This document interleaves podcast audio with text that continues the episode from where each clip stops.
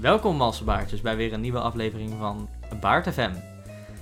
Ik ben vandaag met Chris. Ik vind het fijn om erbij te zijn, Ja. bedankt. De eerste episode dat we met z'n tweeën in dezelfde ruimte weer zitten. Dus dat is eh, even best wel cool. Ja, We gaan het vandaag hebben zoals altijd over weer spellen, films en anime's. En de games die we vandaag gaan bespreken zijn Hard and Slash en Spinch. De film is Kingdom of Heaven en de anime is Decadence. ja, het is alweer de negende keer dat we dit doen. Zoals altijd komen de losse fragmenten op het YouTube-kanaal Baag TV te zien. En sinds kort zijn we ook op Twitch eh, te vinden. Namelijk, lekker Baag TV. Lekker Baart TV. Ja. Ja, dat wordt nog veranderd naar Bart Live. Ja. Maar dat, dat moeten we nog even doen. Dankjewel Chris. Dan denk ik dat ik maar van start ga met het spel, of niet? Ja, ja, je hebt deze keer Hard and Slash. Ja, ja, ja klopt. Wat vond je daarvan? Nou, Wat is het? wat is het? eens. Het is een, een beetje zoals... eh, eh, eh, het, is een, het is een dungeon crawler. Dus elke keer als je de dungeon opnieuw inkomt... kan je items verzamelen. En met die items die kan je upgraden. En zo wordt alles beter. En je krijgt steeds betere items hoe verder je komt in die dungeon. Als je doodgaat, begin je dus weer gewoon helemaal vanaf het begin vandaan. Maar je houdt hier je XP, soort van resources, die ik weer kan gebruiken om jezelf beter mee te maken. En zo ga je elke keer door een, opnieuw door diezelfde dungeon heen, wat niet eigenlijk een dungeon is. Maar dat zal ik verder nog uitleggen over als we over het verhaal gaan hebben. En het is een 3D, toch? Ja, ja, ja het is een 3D, ehm, het is wel een beetje pixelachtig eh 3D-stijl. Ja. Maar dat was juist, eh, vond ik dat wel eh, interessant eruit zien.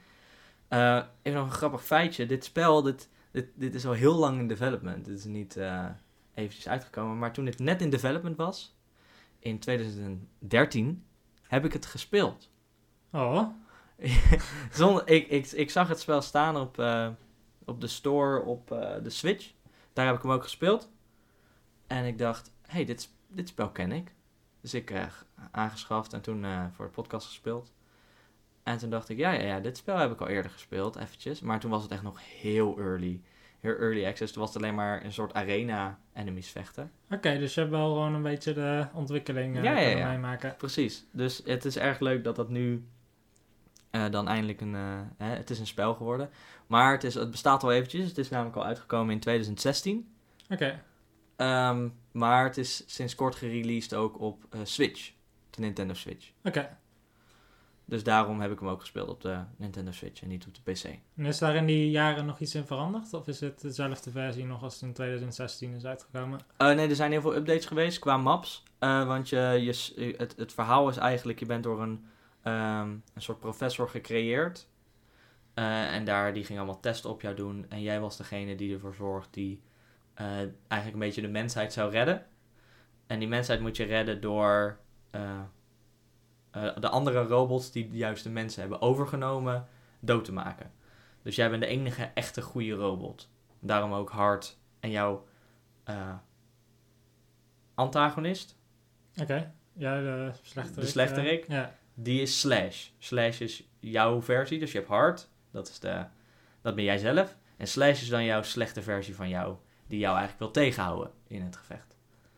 En ja, eh, dat is het verhaal, meer zit er eigenlijk niet achter. En je begint dan in het lab waar je gemaakt bent en waar allemaal robots ook eh, gemaakt zijn. En dan uiteindelijk eh, ga je, kom je in een soort sewer system terecht, in, in het riool. En elke keer als je een nieuwe area ingaat, heb je een boss battle. Nou, was, nou was de boss battle niet zo interessant. Eh, dat zie je waarschijnlijk ook op het beeld nu als je de YouTube video kijkt. Die heb ik opgenomen, die boss battle. Dat is echt, was echt vijf seconden werk. Het was eh, omdat ik al mijn weapons had ik geüpgrade tot het maximale. En toen was het hak, hak, hak, klaar, dood. maar Dus- dat kan dan ook gewoon de eerste Ja, keer. ja, ja. ja. Dus dat was. Ik, maar het, het zijn de wapens die komen zijn random gegenerate. Tenminste, niet dat de, eh, de wapens random generated zijn, maar de, waar ze spawnen zijn gerandom generate. Dus ik kan een heel erg sterk wapen in het begin krijgen. En de volgende keer heb ik een heel slecht wapen in het begin. Oh, dus je hebt vooral gewoon geluk gehad. Het is vooral geluk gehad. Ik had een of andere hamer die eh, een raket was. En daar kon ik door mensen heen vliegen. En dan konden ze me eigenlijk nooit raken. Ehm, maar ja, de andere keer begin je weer met een houten stok of zo, weet je wel. Ja. Het, je moet echt geluk hebben met welke wapens je krijgt. En natuurlijk, als je ze upgrade, worden ze nog sterker, krijgen ze abilities. Of harder slaan, of sneller slaan, maar verliezen kracht. Of zorg ervoor dat ze een special ability hebben, dat ze fire damage doen, of ice damage, of weet ik veel. En eh, dus zo kom je steeds verder in het spel. En nou ben ik niet eh, heel ver gekomen nog. Omdat het best wel lastig is om ver te komen. Want je hartjes, je leven krijg je er niet zomaar bij. Ben ik tot de tweede bos gekomen. Dus dan was ik op het. eh, op, gewoon op, eh, in een stad liep ik rond. Dus dat ik denk ik redelijk ver was. Maar nog niet alles gezien. Nog lang niet alles gezien. Dus dat is wel cool. Eh, het spel is trouwens niet zo duur. Oké. Het is 15 euro. Dat vind ik op zich wel meevallen voor, voor een, gewoon een spel met een verhaal. En het is leuk om te doen. Ja? Eh, het is vaak in de sale, dus eh, als je het kan krijgen in de sale, dat is alleen maar positief. Het is te krijgen op Steam en op de Switch en op de Xbox. Omdat Microsoft, eh, als het op Microsoft te krijgen is op de PC, is het ook op de Xbox te krijgen namelijk. Oké. Dus de, dat. Ja, en wat vond jij nou echt goede en slechte punten eraan? Ehm, Wat is jouw mening er nou Ja. eigenlijk over? De, de gameplay is lastig met de, met de joystick van de, van de Switch. Omdat eh, die joystick is niet zo lang. Dus je hebt niet zo heel veel ruimte om je joystick heen en weer te doen. En het zijn best wel precieze bewegingen die je soms moet maken om je vijanden in de lucht te hakken. Of je vijanden, weet ik veel, naar de grond te hakken of eromheen te rollen. Ja, dat gaat soms helemaal verkeerd. En dan rol je de afgrond in en dan verlies je gewoon een leven erdoor. Dus dat werkt niet zo goed op de Switch. Hè, op de PC kan dat natuurlijk heel anders, omdat je met je muis kan bewegen. En op de eh, Xbox heb je natuurlijk ook gewoon een normale joystick. Dus dat weet ik niet. Maar dat vond ik een minpunt er wel aan. Eh, de muziek is heel leuk. Oké. Eh, Ja, ik had een stukje ja, gehoord, ik had het inderdaad aan jou laten horen. Eh, dat verandert ook bij elk gebied, dus het is niet constant dezelfde muziek. Dus dat is wel fijn. Sommige games die hebben dat natuurlijk, die niet zo groot zijn. Ja, en ik vond, waar je in het begin ook al zei, eh, een beetje de stijl van hoe het eruit ziet. Dat vond ik ook wel gaaf. Van, Mhm. Het is inderdaad eh, wel pixelachtig, 3D, maar wel gewoon op een manier dat er gewoon clean uitziet. Ja, ja, ja, ja. Het heeft zeker wel zijn charme. Het is niet alsof het er heel ouderwets of Minecraft-achtig uitziet of zo. Het ziet er Nee, echt wel nee, gewoon goed uit, Ja, maar ja. juist bewust eigenlijk gewoon met een, ja, een retro Mhm. Stijl erin. Dus dat Ja. vond ik ook wel eh, Want je ziet goede eerste indruk. ook eh, hoe je de mensen voor je ziet op het beeld zijn ook alleen maar schaduwen achter glas. Alleen de robots zijn gemaakt. Ik weet niet of dat een keuze is van de of ze nou gewoon oh ik ben te lui om een mens te maken in 3D doe ik maar niet. Dan maar een schaduw. Ehm, ja, positief. Ik vond het eh, omdat er zoveel kan. Hè, je hebt zoveel wapens in, de, in het spel dat, dat je elke keer iets anders krijgt. Vind ik erg leuk. Eh, buiten dat je wapens hebt, heb je ook een soort armor. Dus je hebt voor je benen armor, voor je handen armor, voor je hoofd. En, die geven ook alweer allemaal buffs. Vaak resistance bij poison of resistance voor electric of ice of fire. En ehm, dus dat vind ik wel heel erg leuk eraan. Maar de, de wereld, waar, omdat je het elke keer opnieuw moet spelen, ken je uiteindelijk wel een beetje hoe het allemaal eruit ziet. En zeker die begaande grond eh, in dat lab, omdat je dat het meeste ziet, omdat je daar het vaakste dood gaat. Als je slechte wapens hebt, dan ga je gewoon eerder dood dan als je met hele goede wapens begint. Dat is jammer, want daar gebeurt niet zoveel. Er zit niet zoveel verschil in. Je hebt een, een stuk met een lift, een rechte gang, een gang met een afgrond, een kamer met een afgrond en een ronde kamer. En meer heb je niet. En dat wordt dan gerandom generate elke keer op een bepaalde plek. Ja, dat, dat verveelt wel snel als je elke keer dat ziet voor een eh, half uur. Ja, En dan pas door moet naar het volgende stuk. Dus dat. Maar overal, overal krijgt het een eh, best wel goed cijfer. Een 8. Een, onges een onverzorgde, onverzorgde baard. Ja, een onverzorgde baard krijgt het van mij. Oké, dat is eh, zeker wel een goed punt. Ja, ja, maar ja, zijn er dan nog bepaalde doelgroepen waar je denkt dat het eh, op zou pakken? Of is het meer iets wat iedereen zou nou, kunnen ik doen? denk wel dat iedereen dit kan oppakken. Het is ook niet een spel dat je... ehm, je kan het even pakken, zeker met de Switch is dat handig. Hè? Ik zou het op de PC zou ik het niet kopen, maar als je het kan kopen op, op de Switch is het wel een goeie. Omdat je het even erbij kan pakken als je niks te doen hebt. Je speelt een, eh, een uurtje of een half uurtje en je kan hem weer wegleggen, omdat het niet... Het verhaal is niet zo ingedeeld dat je van punt naar punt werkt. Nee, je komt steeds meer te zien van het verhaal hoe vaker je het opnieuw speelt.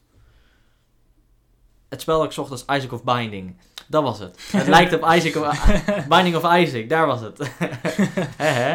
Isaac of Binding. Ja, Binding of Isaac. Eh, dat is ook zo'n spel, hoe vaker je speelt, hoe, hoe vaker je het opnieuw doet en het haalt, hoe meer je achterkomt wat het verhaal nou eigenlijk inhoudt. Ja. Dus dat. Nou, klinkt heel positief. Ik ben daar zeker benieuwd naar. En ik, eh, ja, ik had een eh, klein beetje mee en meegekeken. eh, en Ja, zelf ja. een beetje trailers gezien en zo. Maar ik ben zeker wel geïnteresseerd om in ieder geval meer te leren over wat het is. En de mensen die op YouTube nu kijken, die zien nu heel mooi Ja. het spel zo, En een bossfight die eh, te makkelijk was. die echt drie seconden duurt. Eh, Chris, dan gaan we denk ik door naar het volgende spel. Ja, Spincher. Spinch. gewoon Spinch. spinch. Gewoon spinch. Het was R en slash.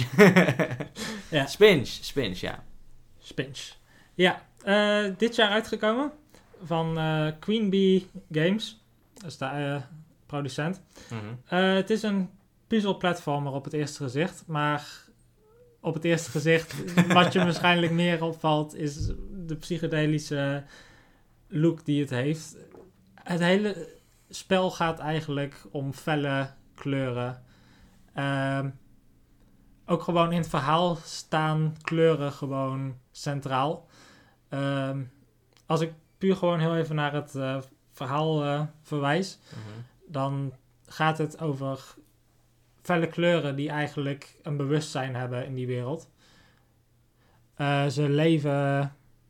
Het zijn, het zijn gewoon levende wezen en het zijn roofdieren eigenlijk. Dus dat, is, eh, dat moet je maar gewoon accepteren. Het is, eh, De kleuren? ja, kleuren. Die, die, die, die leven, dat moet je gewoon accepteren. Ehm, maar dat zijn dus, die zijn heel krachtig en die hebben, ja, dat zijn roofdieren. Dus je speelt als een, een spinch, een ouder spinch, die de kinderen moet beschermen, omdat die steeds eh, ontvoerd worden door de kleuren. Of course. Ja, nee, natuurlijk. Gek, gek dat nog niemand eerder eraan had gedacht. Ehm, ja, dus, dus het is een heel simpel idee. Je gaat elke keer in een nieuwe wereld ga je vijf levels door.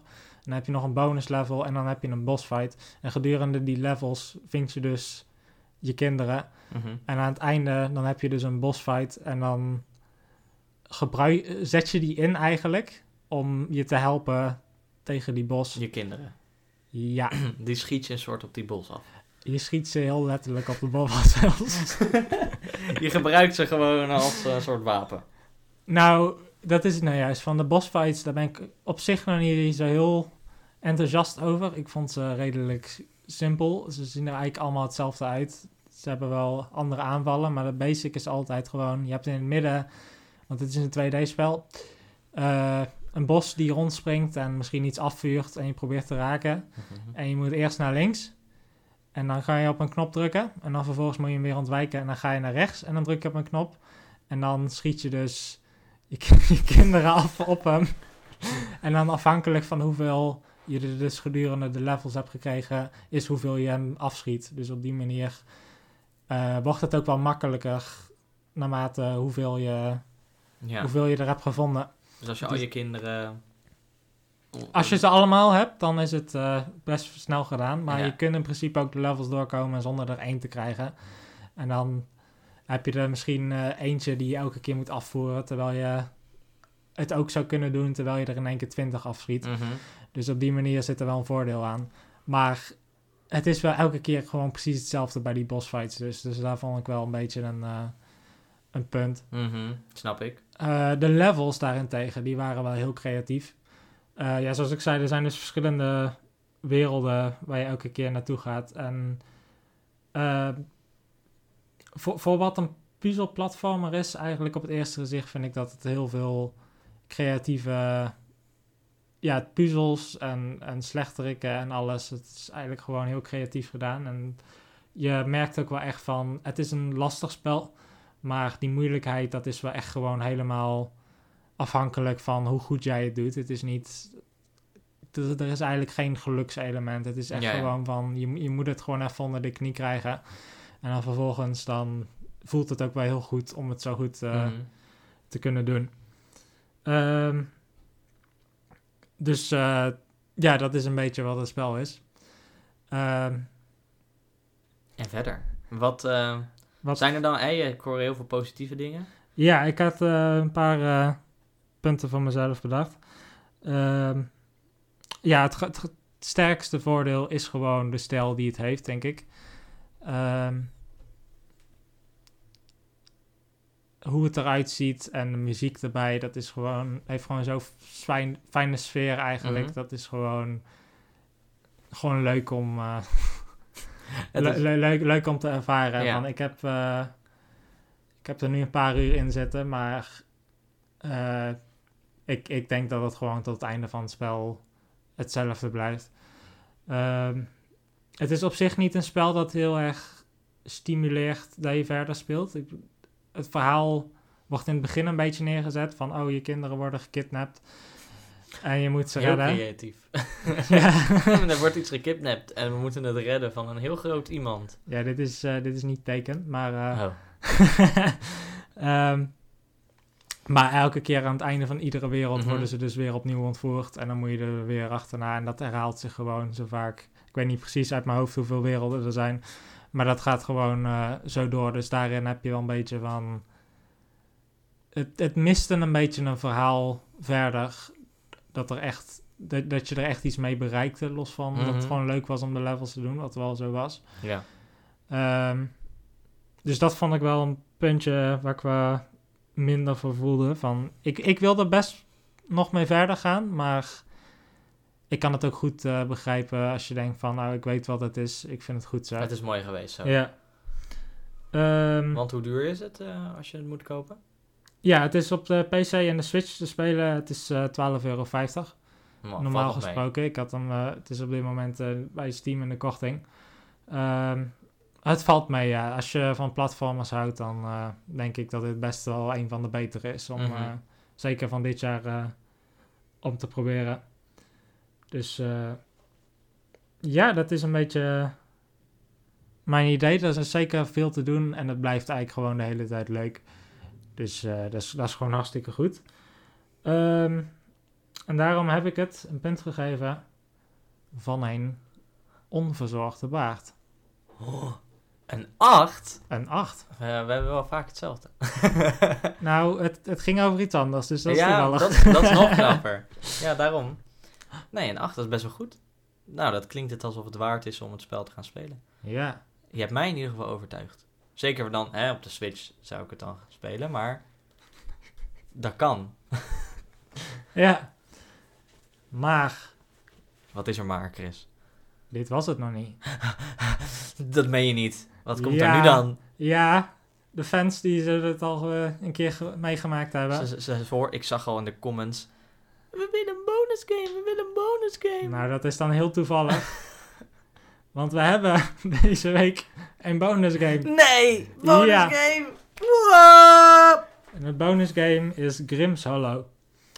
Eh, van Ghost Hunter. Of course. Ghost Hunter die, eh, die heeft voor de rest nog niet zoveel gemaakt. Het Nee. is, eh, dit, is ook op een RPG Maker engine gemaakt. Maar dat, dat, dat neemt er niks van weg. Nee, want nee, het nee. is wel heel professioneel gedaan. En het is... eh, ik heb er best wel positieve dingen over te, te zeggen.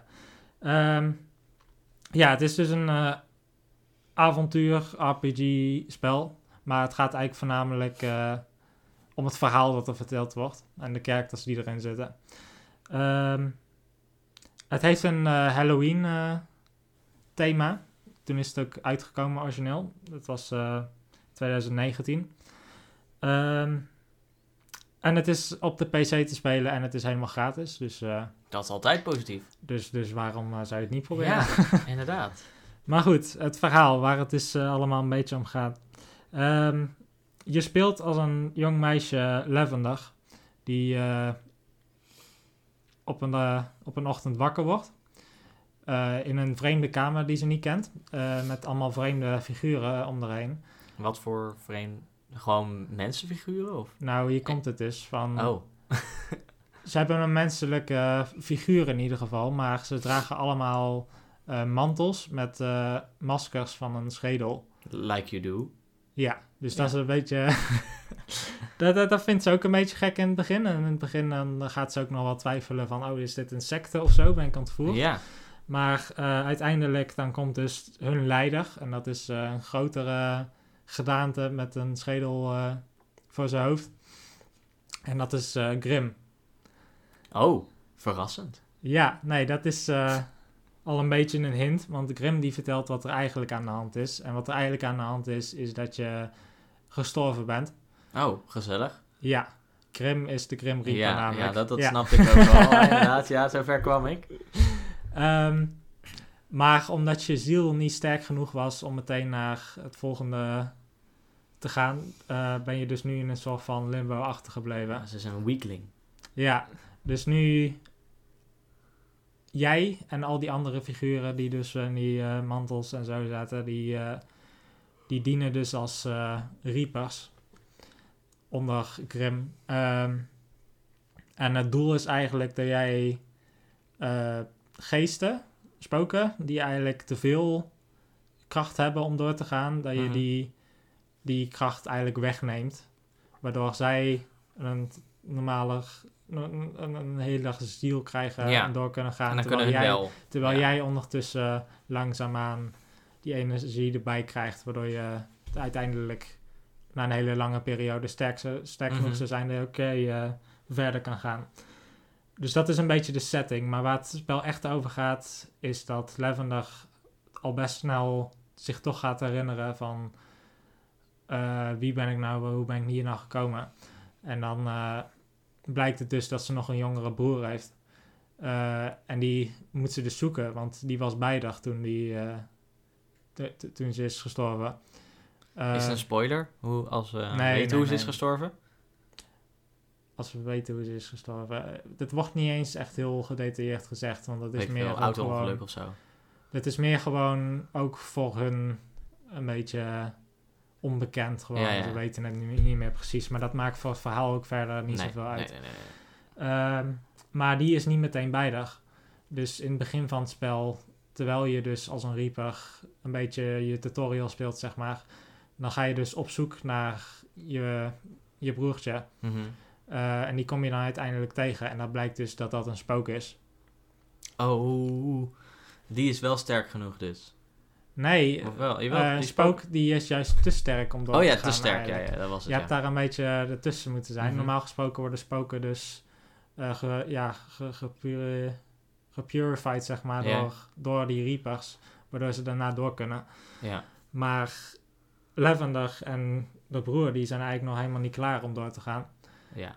Ehm, dus eh, dus, dus, dus eh, ze probeert hem te beschermen en daarin eh, verstopt ze hem eigenlijk. En dan later gaat ze met Grim praten en dan vertelt hij dus over dat het wel eens voorkomt eh, dat een ziel hier, dat eh, een spook hier komt met een wel een gewone geheel ziel, waarna die dus gewoon terug zou kunnen komen. Want als het ziel normaal gesproken sterft hij af, maar Mhm. soms gaat er iets mee fout en dan, dan komt het ziel mee. Maar dat betekent dus dat iemand teruggestuurd zou kunnen worden. Dus eigenlijk gewoon een soort van gereanimeerd ja, zou ja, kunnen precies. Weer worden. tot leven. Ja, en dat is dus eh, het geval bij die broer. Maar het probleem is, is dat hij dus een blackout heeft gehad. En zijn ziel is blijkbaar iets los. Is dat is, losgeraakt kwijt, of dat is hij kwijtgeraakt. Ja, ja. Iemand heeft het weggenomen of zo. Want dat is heel bijzonder daar. Want iedereen die het heeft, in principe, die zou daardoor terug kunnen komen. Ja, inderdaad. Ehm, dus dat is eh, heel waardevol. Ehm, dus de tweede helft van het spel gaat er eigenlijk over dat je samen met je broer, die je eigenlijk verschuilt van iedereen, eh, op zoek gaat naar dat ziel. En ik ga niet eh, de grote twist en het einde helemaal verklappen. Nee, anders kunnen we natuurlijk niet spelen. Nee, en eh, ik ga dadelijk weer vertellen of dat je dat moet doen. Ehm, maar...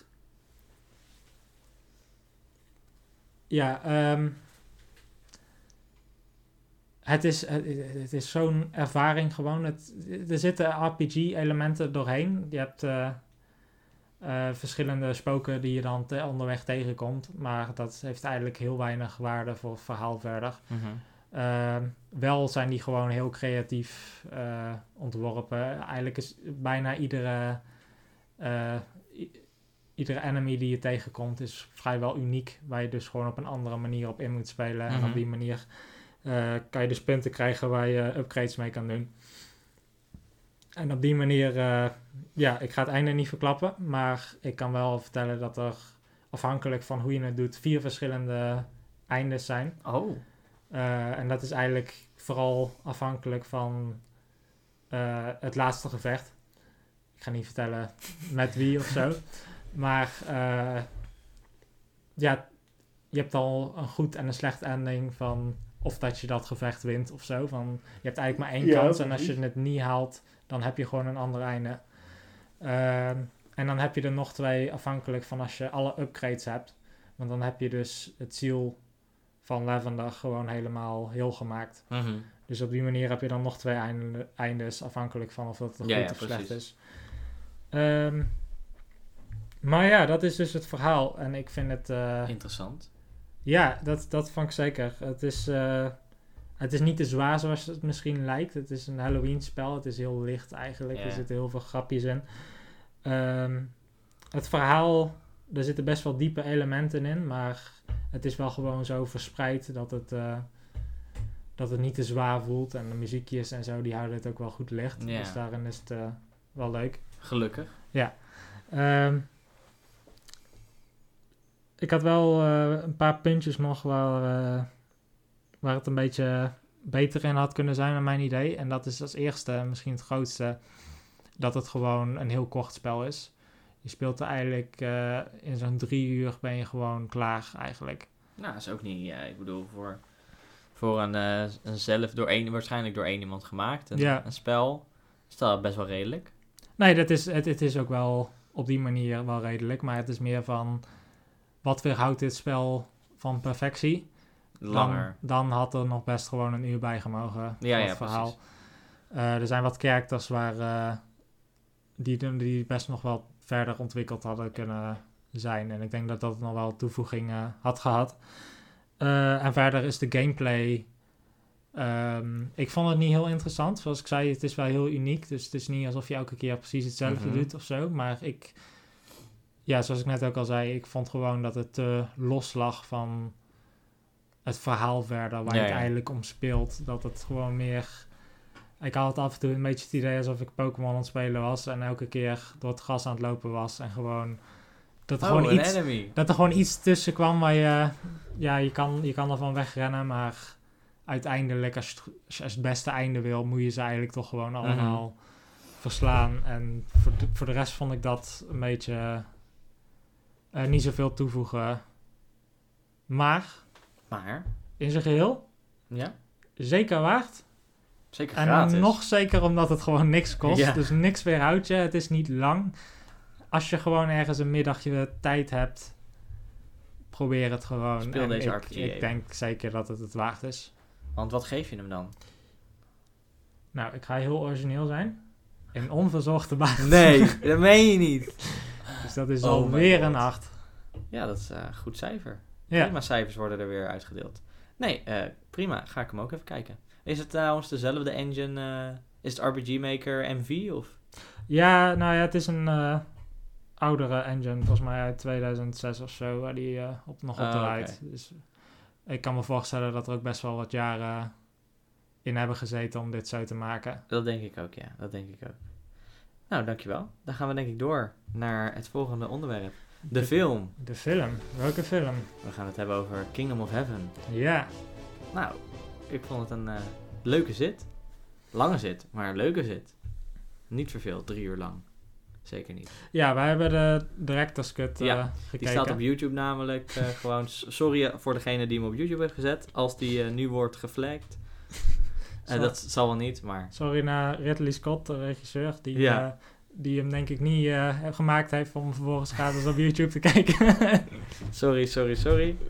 maar we hebben het wel gedaan en Ja. het, eh, het was goed. En wat ik ervan eh, heb gehoord eh, online en zo, is de, de, de director's cut ook zeker de versie die je moet gaan Mhm. eh, kijken.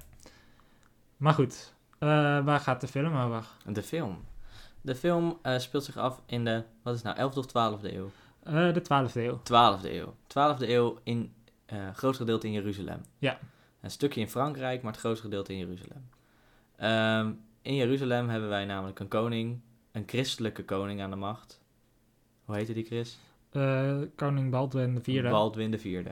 Alleen koning Baldwin de vierde, die had lepra. Ja. En dat, ja, dan word je gewoon niet oud. Eh, maar dat terzijde. het gaat ons over onze hoofdpersoon, Orlando Bloom. Balian, Legolas. Ja, eh, ja. Will Turner, ja. ja, Will Turner. Iedereen, die, iedereen behalve Balin. Nee, eh, als allereerste is denk ik nog eh, goed om te benoemen dat dit is eh, een historische film Ja. is. eh, dus echt, eh, Het grootste gedeelte. het, het grootste gedeelte is echt gebeurd. Het is er zit in een- bepaalde ja, punten ja. een beetje geromantiseerd, maar in grote lijnen... De, de rode draad is hetzelfde ongeveer. Het, eh, hij Ja. is naar Jeruzalem gekomen, hij heeft daar gevochten. Gevochten is verloren, bla bla bla bla bla. Ja. Dat is gewoon geschiedenis. Punt. Ja. Dus Ehm, ook, dus ook eh, die eh, koning Baldwin IV Ja. en zo, dat Ja, is dat gewoon zijn een echt bestaande historisch figuur. mensen. Ja. Maar hoe ze eruit zien is natuurlijk dan... Hè, dat is... De, de, de director heeft daarvoor gekozen. Zullen we het er niet over hebben hoe lepra-patiënten eruit zien? nee, nee, nee. Maar hoe, eh, eh, wat voor harnas ze aan hadden en zo. Ik weet niet of alles daarin precies klopt. Nee, natuurlijk, het, het, bijvoorbeeld het masker waar de film een beetje bekend om staat, Mhm. wat die koning draagt, dat is eh, niet helemaal historisch accuraat. Of ja, er is in ieder geval niks dat verwijst dat hij een masker gedragen zou hebben. Ik bedoel, je kan ook niet bewijzen dat hij dat niet heeft gedaan. Nee. Ja, maar hoe vind je dat Eh, terug? Maar ja. Maar, maar dat is wel gewoon een beetje een creatieve beslissing die ze bij het- de film hebben bedacht. ja, op zich snap ik het ook wel hoor. Want anders moet Edward Norton elke dag in de make-up zitten. En dat is ook niet heel erg. Daar heb je ook niet elke dag zin in. Nee, en ook- hitte het is ook gewoon van... Ze, het was een probleem waar hij mee struggelde of zo, maar het was niet heel zijn identiteit of zo. Het nee, was- zeker niet. En ik denk van als, eh, als het elke keer in de spotlight eh, had gelegen, dat je, daar, eh, dat je hem daar steeds mee associeert in plaats van meer gewoon toch de krachtige, inspirerende koning die hij was eigenlijk. Mhm. En dat nog op Mhm. een hele jonge leeftijd, want hij is ook gewoon niet oud geworden. Hij was halverwege zijn twintig eh, of zo. Ja, hij heeft de 30 niet gehaald. Nee, Eh, maar in ieder geval, onze, onze hoofdpersoon... eh, Balian, ja. Balian, Orlando Bloom. Ja. Die is eigenlijk een, een smid ergens in Frankrijk. Ik weet de stad niet. eh, volgens mij wordt dat ook niet echt genoemd. Maar, Maar- daar- ja. Het is in Frankrijk in ieder geval. En zijn vrouw is kort geleden overleden. Ja, die had eh, zelfmoord gepleegd. Ja, die, omdat eh, zijn- die had een miskraam Ja, ge- exact. had. Ehm, en op dat moment eh, leer je dus een beetje over hoe hij, hoe, hoe zijn leven is en, en hoe zijn relatie is met, met zijn broer vooral, maar ook gewoon met de rest Mhm. van de mensen daar. Ja, omdat zijn omdat zijn broer een priester is. en volgens in die tijd, in het christelijk geloof ga ik verder niet over in. Maar die tijd vond, was dat een, een zin. Als je zelfmoord zou... Hè, zelfmoord is een zin. En ook miskraam mocht ook eigenlijk... Hè, dat was ook eh, schandalig. Maar het zat ook al wel dieper eh, eigenlijk, omdat eh Balian eigenlijk van een niet-echtelijke Nee, nee, nee, relatie precies. kwam. Hij was een bastaard, dus Ja, hij was bastaardsuiker. ja, precies. Ehm ja, dat vind je... dat doet me altijd aan denken. Ehm, ehm, en dan, eh, dan daardoor, hè, voordat we dat weten, dat hij een, eh, een, een, bastard is, eh, komt in het verhaal Liam Neeson, Godfried, Godfrey, ja. Godfrey. En Godfrey zegt eigenlijk tegen onze hoofdpersoon, Balian, ja. Balian, hey, ik ben je vader. nou, daar komt het wel een beetje op neer. Ja, maar Balian zit zo van, fuck jou, ga ik echt niet mee. Ik bedoel, hè, waarom zou ik meegaan met jou naar eh, Jeruzalem? En eh, nou, daar krijgt hij een beetje spijt van eh, uiteindelijk. En dan gaat hij toch mee. ja, vooral omdat hij dus... leert over... hij, hij wist al dat zijn vrouw zelfmoord had Mhm. gepleegd, wat gewoon in dat geloof betekende... In ieder geval werd het destijds geïnterpreteerd dat je da- daardoor naar de hel zou gaan. Maar dan, toen bleek dus ook nog dat eh, zijn broer, die dus eh, het lichaam eh, had opgeruimd... haar ook gestraft had nog door het te onthoofden. En de ketting had gestolen van haar. Ja, waardoor ze dus z- ja, gewoon nog, nog erger Geen, hel... ja, ja, nu krijgt ze helemaal geen kans meer om terug te komen. ja, precies. Hij, hij zegt ook iets moois.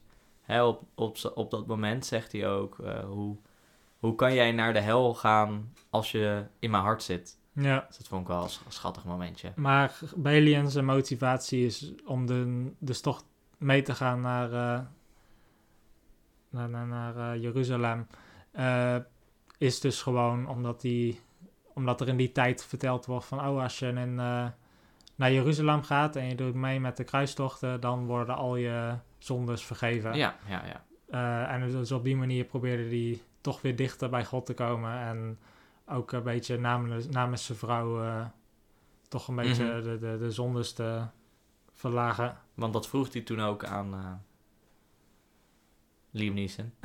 Ja, en eh, Godfrey, En zijn Godfrey, vader, ja. ja. zijn vader vroeg hij van, wordt, me, hè, wordt mijn vrouw ook vergeven? En toen zei hij, dat weet je alleen maar als je meekomt. Ja. en, eh, maar onderweg, omdat hij zijn broer, omdat hij ziet dat zijn broer eigenlijk zijn vrouw eh, de ketting heeft gestolen. En dus, hè, zoals waar we het net over hadden, dat, hij, dat zijn vrouw helemaal geen kans krijgt om naar de hemel te gaan. Wordt hij boos en steekt hij eigenlijk een heet zwaard door zijn broer heen. En duwt hem in het vuur. ja, en dan vervolgens is hij heel snel weg van... eh, Ja. en dan, staat, ja, dan is hij heel, gaat keihard wegrennen en op zijn paard en zo. En dan gaat hij naar, eh, naar, naar zijn papa toe. ja. En onderweg zijn ze ergens aan het rusten en dan gaan ze even zwaard vechten. Even, haha, zo moet je zwaard vechten met zwaard boven het hoofd. Dat is een belangrijke, Ja, Gewoon een beetje zijn training. ja, eh, een beetje training. Hoe ja. vecht ik nou eigenlijk met een zwaard? Want hij wordt natuurlijk, de, eh, als zijn vader dood is, krijgt hij Wordt hij de nieuwe heer daar. ja, eh, de nieuwe heer van het land wat Ja. ze hebben. Maar Jamie Lannister komt aan. ja, ik weet ook niet hoe die... ik weet eh, niet hoe die heet. Hij, Eh, hij speelde een soort van sheriff of zo. eh, Ja, eh, in, in principe wel inderdaad. Hij, hij was het neefje van Liam Neeson. ja. Eh, en die zei ze van, ik ga jouw zoon meenemen. Want die heeft een priester vermoord. En zijn broer. Ja. En Liam Neeson was van, eh, eh, dat ga je helemaal niet doen. Dat echt niet, eh, eh. En eh, toen werd er allemaal geschoten met pijlen en eh, vechten en uh, chucky, chucky, chucky. En eh, Liam Neeson had een pijl zo in zijn zij, zo, ah, ah. maar wel de, de Jamie Lannister dood. Dus dat scheelt. Ehm, maar dat is wel belangrijk dat, ze, dat die pijl in zijn zij kwam, is een belangrijk stuk voor later in de film namelijk. Want daardoor raakte hij eigenlijk best wel gewond. Wat, je, wat er gebeurt als je een pijl in je longen krijgt. Maar zo gewond dat hij er eh, i- eh, inwendige bloedingen van zou krijgen. Ja. En dat hij eigenlijk zou overlijden. Of er zou een cyst ontstaan en er zou niks aan de hand zijn. Dat was een soort van, het was 50-50 wat er zou gebeuren. Ja. Nou, jammer genoeg, eenmaal in Jeruzalem aangekomen, ging het zo slecht met hem dat hij gelijk werd opgenomen in een soort, eh, ja, hun, hun huis in Jeruzalem. En Ja. dan lag hij op kamers en dan kwamen artsen langs.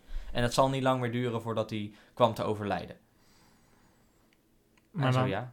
Ja, dan gebruikt hij dus eh, een beetje de laatste kracht die hij heeft om eh, zijn zoon eh, te ridder, tot ridder te slaan. Mhm. En eh, eh, hem eigenlijk een beetje zijn rol als... want hij is een hele machtige heer in Jeruzalem. een beetje zijn rol en ze op te vangen. En de mensen met wie hij altijd heeft gewerkt eigenlijk door te geven naar zijn zoon. Ehm,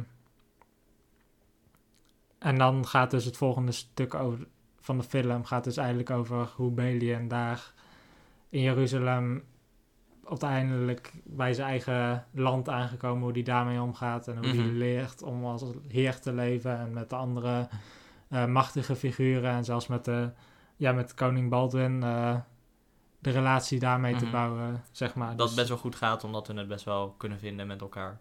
Ja, vooral gewoon omdat. eh, omdat Balen niet zo... Balen niet zo...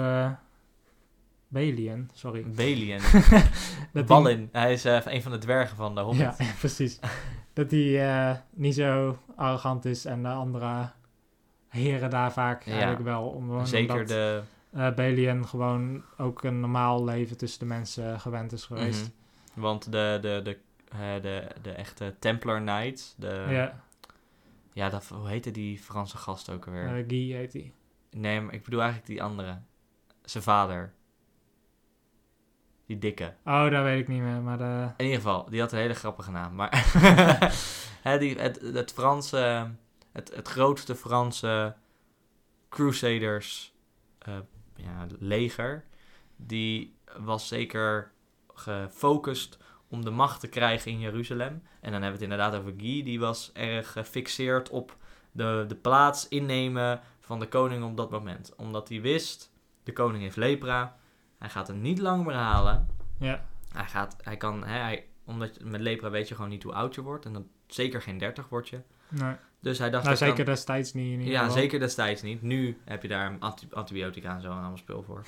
Maar eh, hij, hij dacht, ik ga die plaats innemen, maar dan moet ik met zijn zus trouwen.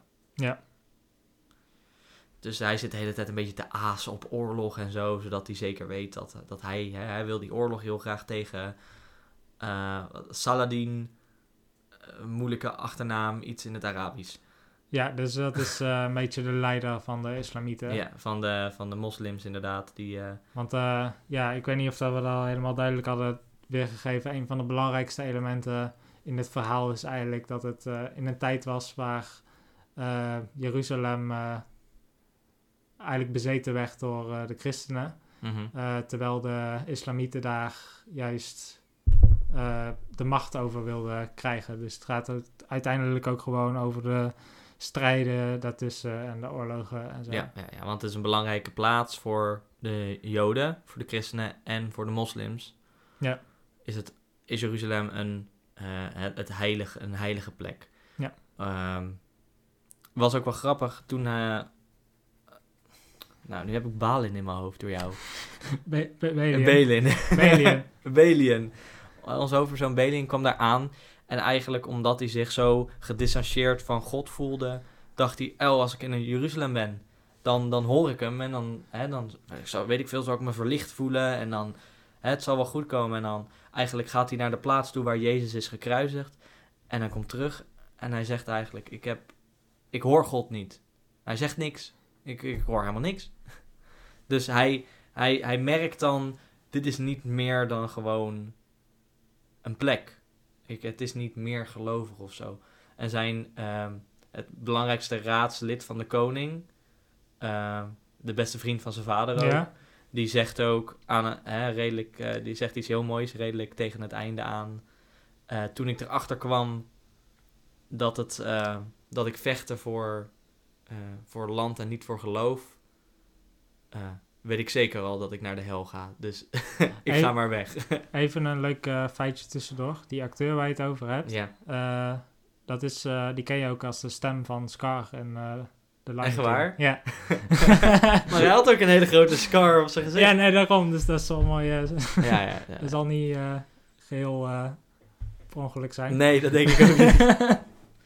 De, ja, voor de rest het verhaal, er zitten heel veel twists in en heel ja, veel... we zullen niet helemaal het einde vertellen. Nee, nee, nee, nee, nee. Ehm, wat vond jij ervan? Ik vond het een... ehm, eh, ik werd zeker gegrepen door het verhaal. Ik heb geen één moment gedacht, oh, ik heb echt geen zin om verder meer te kijken. Nee, ik wilde heel graag juist, juist verder kijken van, oh, want ik moest halverwege moest ik even stoppen, want ik moest naar een, eh, eh, even wat doen, even wat eh, in de, naar de supermarkt. En toen wilde ik zo snel mogelijk terug zijn, want ik wilde gewoon verder kijken. dus ja, dat zegt denk ik wel iets over de film. Ook de filmstijl deed me heel erg denken. En niet omdat Orlando Bloom erin speelt, maar Lord of the Rings. Ik denk ook wel dat het een beetje... eh, Het, het, ja, het is uitgekomen in 2005, dus ik denk dat het ook wel gewoon een beetje misschien mee profiteren is geweest van Orlando Bloom. Die heeft in die tijd best wel Mhm. wat eh, rollen gehad, Ja, die eigenlijk gewoon gebaseerd waren op Legolas. Hij heeft bijvoorbeeld ook een film Troy, daar Dus dat, Ja. daar, daar is die volgens mij ook gewoon gecast, omdat hij op een gegeven moment met een pijl en boog staat. ja, precies. Ehm, maar inderdaad, het, ehm, eh, maar niet per se omdat Orlando Bloom daar natuurlijk in speelt, dat, die, dat ik het vond lijken op Ja. Lord of the Rings. Maar het, eh, de, hoe ze omgeving met licht eh, werken. In de Lord of the Rings wordt heel vaak de sfeer aangegeven met hoe het licht is. Dus op plekken waar, hè, als, je, als ze eenmaal in Moria komen, eh, dan is het, is het sowieso donker. Ja. Maar hè, het, het, het, de tonen van het, eh, hoe kleuren eruit zien zijn ook anders gemaakt. Anders als we in Rivendell aankomen, zijn de kleuren weer het contrast veel, veel hoger gezet. Maar dat zag je dus ook in deze film. Op plekken waar het hè, tijdens het gevecht werd dat contrast compleet naar beneden gehaald. En voor de rest, toen hij eenmaal eh, zijn stad van zijn vader had overgenomen, ging dat contrast weer helemaal omhoog. En waren alle kleuren heel mooi. En het licht werd heel mooi. Maar als, ze, als er werd ingezoomd op het leger van Saladin, dan werd het contrast weer gelijk naar beneden gehaald. Dus dan zo geef je heel mooi eh, sfeer weer in een eh, sfeerbeeld in een, in een scène weer. En dat doet de Lord of the Rings ook heel erg. En daarnaast zijn de gevechtscènes ook gewoon eh, heel sterk. grote gevechtscènes, enorme Ja. legers. Ik bedoel, toen die, toen, ja, welk gevecht het is, dat ga ik niet vertellen. Maar Chris weet het. Eh, je hebt een gevecht en dan staan er allemaal eh, van die siege towers. Ja, en Zo. ook met de trebuchets. ja, en die eh, trebuchets, ja. ik dacht, we zitten, waar, waar zijn de Moemankiels? Waar zijn die olifanten die komen aanvallen? Ik, ik, ik kon alleen maar aan Age of Empires denken eigenlijk. ik denk van, oh, dat kan ik wel Oh ja, dat ken ik. spelen Oh, eigenlijk. en dat is die uh, deurram van Age of Empires. Oh, cool. oh, wat doet hij nou? Dat is niet slim. Nee. oh, ja, ja, ja, ja. Maar daar, daardoor vond ik het ook wel sterk, hè. Ook omdat het zo impressive is, zo groot, werkt dat ook mee aan van, wow, dat is flink, eh, flink gevecht geweest. Het is ook een flinke film, ja. Ja, Dus, eh, ja, hij is eh, iets van drie uur, dus... eh, ik weet niet wat het budget was ook voor de film. nou, daar, daar weet ik ook niet, maar... niet. eh, Het zal is, wel het, genoeg is, zijn. het is Ridley Scott, dus die kan best wel wat... eh, Die kan wel wat neerzetten. ja. Wat vond jij minder goed? Hè, want, Ja, ik had eh, in het begin, eh, toen ik hem me- meteen had gezien, toen had ik eigenlijk bijna alleen maar positieve dingen over, eh, over te zeggen. Ehm, ik was juist meer geïnteresseerd eh, naar de echte verhalen erachter juist. En dat is eigenlijk iets, iets positiefs. Ik merkte alleen juist wel, toen ik daar meer in ging verdiepen, dat er best wel een, paar punten zijn die, die niet helemaal accuraat waren. En ik, ik begrijp niet zo heel goed waarom. Van misschien dat het gewoon voor het verhaal is. Maar bijvoorbeeld eh Balian, de, de main character, eh, de persoon waar die op gebaseerd is. eh, dat was niet een smid die in Frankrijk heeft gewoond of zo. Dat is gewoon iemand die in Jeruzalem is opgegroeid. Ehm, en op die manier vind ik ook gewoon dat het echte verhaal een stuk acceptabeler is. Want ik vond ook gewoon in de film een paar puntjes vinden, een beetje vreemd vinden. Als je kijkt naar hoe bijvoorbeeld Balian eh, ontwikkeld is door Mhm. gedurende de film. Ja, dat, dat is zeker ook het begin. Hij, hij gaat van heel, in een hele korte tijd gaat hij naar... Ja, hij, hij heeft gewoon geen ervaring Nee. met iets. En dan doet hij één keer, eh, of ja, wat we in ieder geval zien, daar kun je best van uitgaan dat hij het misschien een paar weken gedaan heeft, gaat hij trainen met zijn vader.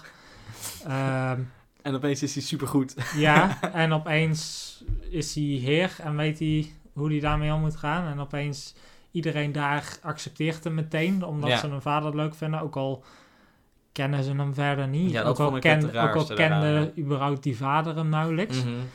En toen uiteindelijk heb je zelfs die gesprekken met, met koning Baldwin. En dat vond ik wel een beetje ver gaan. Dat hij uiteindelijk zei van... Oh ja, misschien moet jij het straks overnemen en zo. Dat is best wel gewoon van... Hé, hey, eh, je, je kent hem net. Eh, wat Ja. is dit nou? Ja, eh, daarom Maar hadden ze je- misschien beter een besef van tijd kunnen geven in die film. En ja, maar als, ik, als je kijkt naar het historische verhaal... dan is dat een stuk acceptabeler ook gewoon. Van, Ja. Als je denkt van... Het is gewoon iemand die dit soort dingen al zijn hele leven doet eigenlijk. Van, hij heeft nu Mhm. een andere positie natuurlijk. Maar het is niet alsof het allemaal in één keer nieuw voor hem is... en dat hij het Mhm. in twee weken helemaal onder de knie heeft. Nee. Nee, precies. Dus dat vond ik... eh, dat, dat soort dingetjes vond ik een beetje... eh, minder. Maar los daarvan, gewoon de film puur, vond ik heel goed. Ja, ik vond hem heel sterk. Ja. Eh, weet jij nog wat hij kreeg op IMDb? Een 7,3 of zo, dacht ik. Ja, zoiets. Volgens mij is het wel echt een film waar mensen heel verdeeld over zijn. Want wat ik ervan heb gehoord, zoals ik in het begin al zei, als je er gewoon de normale bioscoopversie kijkt, die is iets van 40 minuten korter of zo. Mhm. Ehm, en dan, dan heb je, wat ik ervan heb gehoord, wel een heleboel onduidelijkheden en dingen die nergens op slaan of zo. Maar als je puur kijkt van hoe de film bedoeld is, dat is dus de director's cut, ehm, dan heb je dus een heleboel van die problemen die wel gewoon er niet meer zijn. Dus Ja. ik denk dat dat een beetje mee heeft gewerkt. Dat juist die mensen die de director's cut hebben gekeken een hoogpunt zullen geven. En Mhm. de mensen die de andere hebben gekeken misschien een zesje zullen geven of zo. Want hoeveel tijd scheelt het met de director's cut? Dat is een Ja, meer van- een half uur. Ja, iets van 40 minuten of zo. Het, ehm, eh, de film duurt een uur, eh, drie uur en eh, vijf minuten of zo. Ja, En de director's cut duurt d- eh, twee uur en 23 minuten. ja, andersom. Dat is de director's cut, die de lange versie. De... Ja, sorry, andersom. Ja, eh, drie uur is de drie uur en vijf minuten is de director's cut. ja. Dus het, ze hebben gewoon een half uur geschrapt van belangrijke aspecten. ja, want het is niet alsof de film vol met filler zit of zo. Nee, helemaal niet. Gewoon, ieder, iedere 10 minuten heb je wel iets belangrijks wat benoemd Mhm. wordt. Dus ja, als ze elke keer een stukje belangrijk stukje... daarna blijft er niks meer van die backbone van die film over. Dus Nee, dus als je hem gaat kijken, zeker doen. Het is een goede film. Ja. Zeker als je het is in gratis. geïnter- geïnteresseerd bent in de historische verhalen. Eh, maar doe dan de, gewoon de hele versie. ja, de eh. director's cut gewoon ja. kijken. Eh, daarom geef ik, ik geef de film een onverzorgde baard. Ik denk dat dat alles is wat we vandaag gaan doen, want dat heb ik ook. nou, eh, dat, ja, ja, het is, was gewoon een hele leuke film. Ja, zeker. Ehm, ik ga het zeker zeggen als iemand zegt, oh, ik wil een eh, geschiedenisfilm kijken. Oh, nee, die ga ik kijken. Dat daarom, eh, dus als je daarvan houdt, zeker kijken. En ik wil heel even een kleine, klein ding benoemen. Het gaat wel over geloof, maar dat voor, voor de rest heeft niet een hele grote rol. Het is niet dat, dat, dat jouw idee van geloof echt Nee. invloed heeft Nee, op hoe je de film ervaart, denk ik. Het is niet zoals Silence, wat wel... Ja, dat is echt een hele religieuze film. Maar Ja. dit, eh, dit, dit ge- geloof staat centraal, gewoon omdat het verhalen gaan Mhm. over kruistochten en al dat. Ehm, maar voor de rest, eh, voor, voor de rest is het gewoon geschiedenis. Het Ja, is, ik vind het redelijk objectief weergegeven. Ja, precies. En die, en die, eh, die ridders, die zitten er ook... Sommige, eh, sommige ridders zitten er heel anders in. Hè? Zoals die beste vriend van zijn vader zat er dan heel anders in. Hoe, in dat vechten voor het geloof en zo. Ja, Maar ja, dan moet je dus film voorzien, dan snap je dat allemaal beter. Ja. Dan gaan we denk ik door naar het volgende onderwerp. de, De anime. anime. Welke anime hebben we? De- Decadence, ja. Dat bedoel ik, decadent. decadent. Het is een decadente anime. Eh, is dit jaar eh, begonnen, is nog eh, bezig. Episode 9 uit mijn hoofd. Oh, dat wist ik niet. Maar we, zoals altijd hebben wij de eerste vijf gekeken. Om een beetje een beeld te krijgen van wat het is. En dit, dit is het soort serie waar je zeker gewoon vijf afleveringen nodig hebt om te weten wat is het nou eigenlijk. Ja, één episode. Het is een science fiction action serie. Eh, ja, vertel maar. Ja, de- sorry, nee, nee, nee, maar de eerste episode. eh, eh, Chris had het eerder gezien dan ik, die Ja. eerste episode. En die zei tegen mij: Ja, in het begin denk je van: Oh ja, ja, ik snap precies waar het over gaat. Oh ja, maar is een beetje, er zijn monsters en, en mensen die moeten overleven in die wereld, hè, een beetje dat. En dan komt er een punt aan het eind. Ja, meer, meer begin aflevering 2 Ja, eigenlijk. begin aflevering 2. En dan denk je van: Is dit dezelfde serie? Of Ja, wat, eh, wat, wat is er gebeurd? Eh, maar daar gaan we het wel over hebben. Dan eh, hoor je het vanzelf wel. Ja, ik vind die transitie ook wel mooi. Van aflevering 1 is eigenlijk heel zwaar. En dan begin van aflevering 2. Dan zie je eigenlijk gewoon in één keer een reclamespotje met allemaal felle kleuren en vreemde figuurtjes. Maar goed, Ja. wat dat precies Ja, is, dat gaan we daar vertellen. Eh, we leven, het is een soort post-apocalyptic wereld waar we in leven. De mensheid is uitgeroeid tot een bepaald punt. Ja, er is nog één plek waar mensen leven. De namelijk decadence. in de decadence. En de decadence is eigenlijk een gigantisch fort eh, slash wapen. Eh, Ja, slash wapen, slash opslag, slash Ja, dit is is, zeg maar gewoon waar iedereen woont. Maar dat vocht heeft zelf ook gewoon een, eh, een verdediging. Een enorme vuist. ja. En dan heb je dus monsters die, eh, die in die wereld rondgaan en die eh, soms aanvallen. Eh, maar de reden waarom ze ook bijvoorbeeld die monsters aan gaan vallen is omdat ze eigenlijk het bloed van die monsters dat dient eigenlijk als een soort van brandstof. Dus dat en het is een bron van zuurstof. ja, ook dat. Dus dat is echt gewoon iets wat ze Ja. steeds. Je, ze moeten in beweging blijven, omdat ze meer moeten winnen dan verbruiken eigenlijk. Ja. Dus op die manier Ja, blijf je altijd bezig. Ehm, en dan in de decadence, eh, grotendeels van die mensen daar, die, eh, die wonen daar gewoon. En die werken eh, gewoon normaal, Relatief wat daar een normaal leven Mhm. is. Ik bedoel, dat is nog steeds eh, best vreemd. Het is niet alsof het daar gewoon een normale wereld in zit. nee, nee, nee, maar, zeker niet. Eh, het, het deed me een beetje, zoals we eerder hebben besproken, aan Snowpiercer denken. Waar gewoon een Ja, bepaalde ja, groep is achtergebleven. En je hebt wel echt duidelijk zo het verschil tussen... eh, dit, dit zijn echte elites, dus die hebben het goed. En dit is een beetje waar de rest woont. En Mhm. die, eh, die moeten hard werken en die krijgen er eigenlijk weinig voor terug. Ja, weinig tot niks eigenlijk. Ja. Want eh, ze- hebben wel school. Ook de kinderen die daar worden geboren, die hebben gewoon school. En die worden dan aan het eind van hun schoolperiode, krijgen ze een baan. Dan, dat moeten ze dan maar gaan doen. En dat Ja. is dan of slachter. Dat eh, houdt in dat ze dan de monsters die ze buiten verslaan, dat vlees snijden ze eruit en dat kunnen ze weer maken voor eten. En je hebt mensen die eh, bijvoorbeeld gewoon moeten gaan verkopen of moeten schoonmaken. Ja, je hebt de main character, Natsume.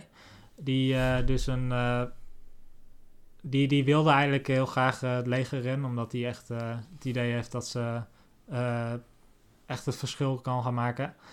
Ehm, maar ja, het is niet helemaal bekend waardoor. Maar het zal misschien te maken hebben met dat ze maar één arm heeft. Ehm, ja, ja, ja. ja, dat zal zeker... dat zal zeker een reden zijn, maar we weten niet of het anders wel gelukt was. Ehm, die, die wordt dus een taak aangewezen om eh, de buitenkant van de decadent schoon te gaan maken. Dus dat is gewoon een kwestie van je hangt eigenlijk gewoon aan de zijkant en je schopt gewoon smurrie eraf. Ja, het is niet, echt- eh, Het is een mix, wat zeiden ze, een mix van bloed en... het zijn gewoon de resten van Ja. die monsters eigenlijk. Precies. Ja, Het is een soort als er vliegjes op je ruit van je auto Ja. zitten, ja, dat maken hun schoon. maar dan zijn ze gewoon heel groot. Ja, even groot als hun. Ja. De, de, de plekken zijn even groot als hun vaak. Ehm, en daar eh, ontmoet hij dus, eh, ontmoet ze dus de baas. Eh, dat is eh Kuba Ka- Kaburagi. Ja, als je nou van bos. Wat? Ze noemt hem altijd Ja, bos. ze noemt hem de bos. Dat is hoe we hem gaan benoemen. Ja, we gaan hem de bos noemen. Ehm, eh, en in het begin lijkt dat een beetje een emotieloze persoon. Mhm. Maar dat is, wordt uiteindelijk wel gewoon een persoon waar ze het meeste mee En je heeft komt er ook wel achter waarom Ja, het een... Want dat is de grootste twist. Dat heel... komt het nou juist. Wat, wat, wat verandert er in één keer in aflevering 2? Vertel het eens. Aflevering 1 en ze zitten zo... eh, die man, die ontmoet die, maar Ja, het is voor het haar... zware overlevingsverhaal. En dan, eh, die, dat meisje ziet het ook, is een beetje een vaderfiguur, weet je wel, voor, voor haar. En dan in aflevering 2 is het allemaal felle kleuren. En kom je erachter dat het eigenlijk een soort spel is ja. waar ze in zitten. De mensen weten dat niet. De mensen zijn echte mensen. Maar de, je hebt een ander soort ras. En ja, er zijn gewoon volgens mij een soort aliens of zo. Want, Eh, eh, heel, ik snap dat nog steeds niet helemaal precies, maar hij zei als je doodgaat, dan kan je gewoon weer opnieuw inspannen in een nieuw lichaam. Maar of dat normale mensen zijn, of, of dat dat opnieuw wordt gemaakt, zo'n mens, dat weet ik niet. nee, dat weet ik ook niet. Maar, Maar, in ieder geval, die hebben ook een aparte naam. In het, strijd, in het strijdveld noemen ze die ook anders. Die ene noemen ze blokkers of zo. En die andere noemen ze strikers. En die strikers, dat zijn de mensen die... eh, de robotjes die ze mensen eh, besturen. Tankers heette die. Ja, eh, precies. andere, ja. Tankers, ja. En tankers, dat zijn de mensenmensen. Die ze, hè, dus dat zijn de mensen die nog over, hebben overleefd van die apocalyptic world waar ze nu in zitten. Maar het is heel raar, Want uiteindelijk in episode 2 zie je een soort enorme koepel op de aarde zitten. Ja, eigenlijk Met een gewoon schip over, over het hele... Ja, Eurasië, gewoon Ja, Europa precies. en Azië bij elkaar. Dat is het grootste stuk land. En daar zit gewoon één grote koepel Mhm. omheen. En dan zie je daar wat ruimteschepen eigenlijk gewoon boven Mhm. vliegen. En dan wordt het dus eigenlijk gewoon gezien dat heel die wereld gewoon... eh, ja, de, de mensen die daar nog leven, die weten er niet van. Maar dat is eigenlijk gewoon als een soort spel Mhm. geprogrammeerd Ja, inderdaad. voor die robotjes om, eh, nou, als een soort RPG, waar, Ja. je, eh, waar je leuk kan spelen. Alleen, om de, hè, als je denkt, oh, dit wordt echt een zware, een beetje zware serie over post-apocalyptic world en zo overleven. En dan opeens zie je allemaal felle kleuren en rechtgetrokken lijnen van robotjes die in een half rondje zijn of een driehoek. Gewoon één blok, ja. ja, op een blok. dat, dat je denkt van, hè? Dit is raar. ja. Maar ik vind het juist opvallend eigenlijk, want eh, dingen zijn een stuk serieuzer natuurlijk eh, Mhm. eh, bij gewone mensen.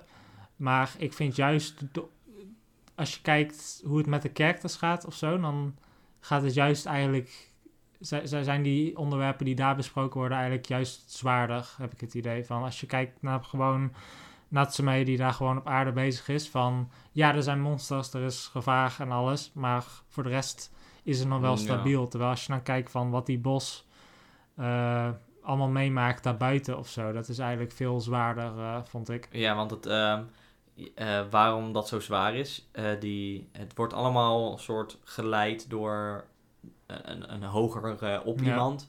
En je kan, die robots voelen geen pijn. Maar je kan een cheat instellen dat je wel pijn voelt als robot. Ja, en dat je super sterk wordt. En daar krijg je dan boost van, ja. Ja. dan krijg je een soort st- ja, strength boost van. Ja. Zodat je wel makkelijker verstaan, mensen kan verslaan, de monsters kan verslaan. Maar als ze daarachter komen, dan wordt je hoofd eraf gelast en dan wordt je core eruit gehaald. En die core wordt weer in een nieuw robotje gedaan. Ja. Dus je wordt eigenlijk, jij wordt eigenlijk gewist, gewoon compleet. Ja, en die eh, Bos die heeft dus eh, iemand geholpen met eh Ja. vals spelen. Ehm, en die wordt eigenlijk gestraft doordat hij... Want hij was eigenlijk een van de beste spelers. Eh, Mhm. en heel, heel die wedstrijden eigenlijk, die zijn vanaf dat moment gewoon meteen gestopt. Eh, en hij is eigenlijk nu in dienst eh, daar om, eh, om, om bugs eigenlijk uit het systeem te Ja, halen. dus gewoon een bug die in een spel kan zitten. Ja. Niet een bug van een insect, maar een bug Ja. van, van een spel inderdaad. gaat hij weghalen. En daarnaast heeft hij nog een functie, dat is minder belangrijk voor het spel. Dat als er iemand. want alle mensen zijn eigenlijk wel gewoon gechipt. Eh, het zijn nog wel mensen, maar ze hebben niet helemaal controle over zichzelf. Ze worden Mhm. wel beïnvloed eh, door de aliens eigenlijk. Eh, en het is ook zijn taak dat als er iemand overlijdt, dat hij dan die chip terugneemt, zodat de mensen het niet op het spoor komen, zeg maar. Ja, want die, zo'n bug, dat kan dan bijvoorbeeld iemand zijn die buiten het spel valt. Ja. Van, die doet iets wat niet hoort. Hè? Dus wat ons hoofdpersoon doet, het meisje, die, die, die, die valt buiten het kader van wat doen de mensen normaal. Ja, die, eh ze, was bijna, ze had een ongeluk gehad, ze was bijna overleden. Eh de, has, de hart was gestopt. En daardoor eh, Ja, had het systeem er dus gewoon als dood. ja. ja, en die chip, ik weet niet wat er met die chip dan gebeurt. Die Maar chip is gewoon uit of zo dan? die is gewoon uitgevallen toen. En toen later is zij nog gereanimeerd. Mhm. waardoor ze nu dus eigenlijk zonder chip zit. En Ja. gewoon puur zichzelf is. Ja, inderdaad. Dus er wordt niet, er is nul invloed. Maar wat Ja. ik dus denk dat die chip ook als mensen opnieuw inloggen, hè, dus met de doodgaan met, van hun karakter gaat dood van die robotjes, en ze loggen opnieuw in, dat die chip ervoor zorgt dat ze in dat lichaam gaan. Dat zou wel kunnen, ja. Dat lijkt mij een logischere, want ze hebben wel bloed. Al die mensen hebben wel. Ja, het zijn, het zijn gewoon mensen. Ja, maar ook gewoon- die, hè, ook, ja, dus ook die mensen die, de robotjes die de mensen besturen. De mensen die de, ro Nee, de, de robotjes die ja. de mensen besturen. Ja. Als die doodgaan, komt er ook gewoon bloed uit. Dus ik denk dat die chip daar ook iets mee te maken heeft. Dat ze elkaar, dat, die daardoor, dat ze daardoor hun kunnen besturen. ja.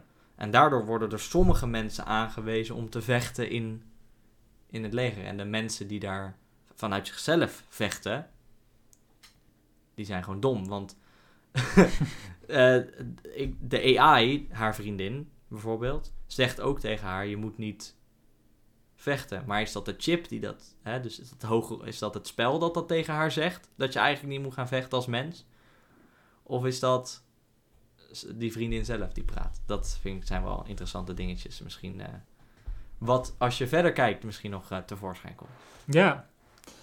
Nou, wat, eh, wat vond jij daarvan? Eh, wil je verder kijken? Ja, zeker. ja, ja. Ze kunnen je niet inklikken, hè? Nee, dus, eh, dat, eh, inderdaad, nu ik tegenover Chris zit, doe je veel makkelijker knikken en, en zo. Nee, nee, ik wil hem zeker, zeker nog een keer zien. Heb jij nog minpunten van eh, Ehm, erover? Wat vond je minder ervan? ik vond... in het begin vond ik het echt heel lastig om echt een beetje een beeld te krijgen van wat gebeurt er nou allemaal. ja, ja, zeker. Eh, ik heb echt gewoon de eerste drie afleveringen gewoon moeten observeren voordat ik echt een mening kon volgen voor me eigenlijk. Gewoon van, wat is dit nou Waar eigenlijk? kijk ik naar? Want bij de meeste series heb je eigenlijk na de eerste aflevering een beetje een beeld van, oh, Mhm. dit is wat het is, dit is hoe het gaat zijn. Mhm. Maar dat is hier gewoon niet. Want je hebt eigenlijk twee werelden die je tegelijkertijd, of ja, niet tegelijkertijd, die je een beetje afwisselt van waar je volgt. Eh, en ja, dat vind ik op zich wel mooi. Van in de eerste aflevering heb je echt gewoon een be- beetje een beeld van de wereld zoals die mensen het zien.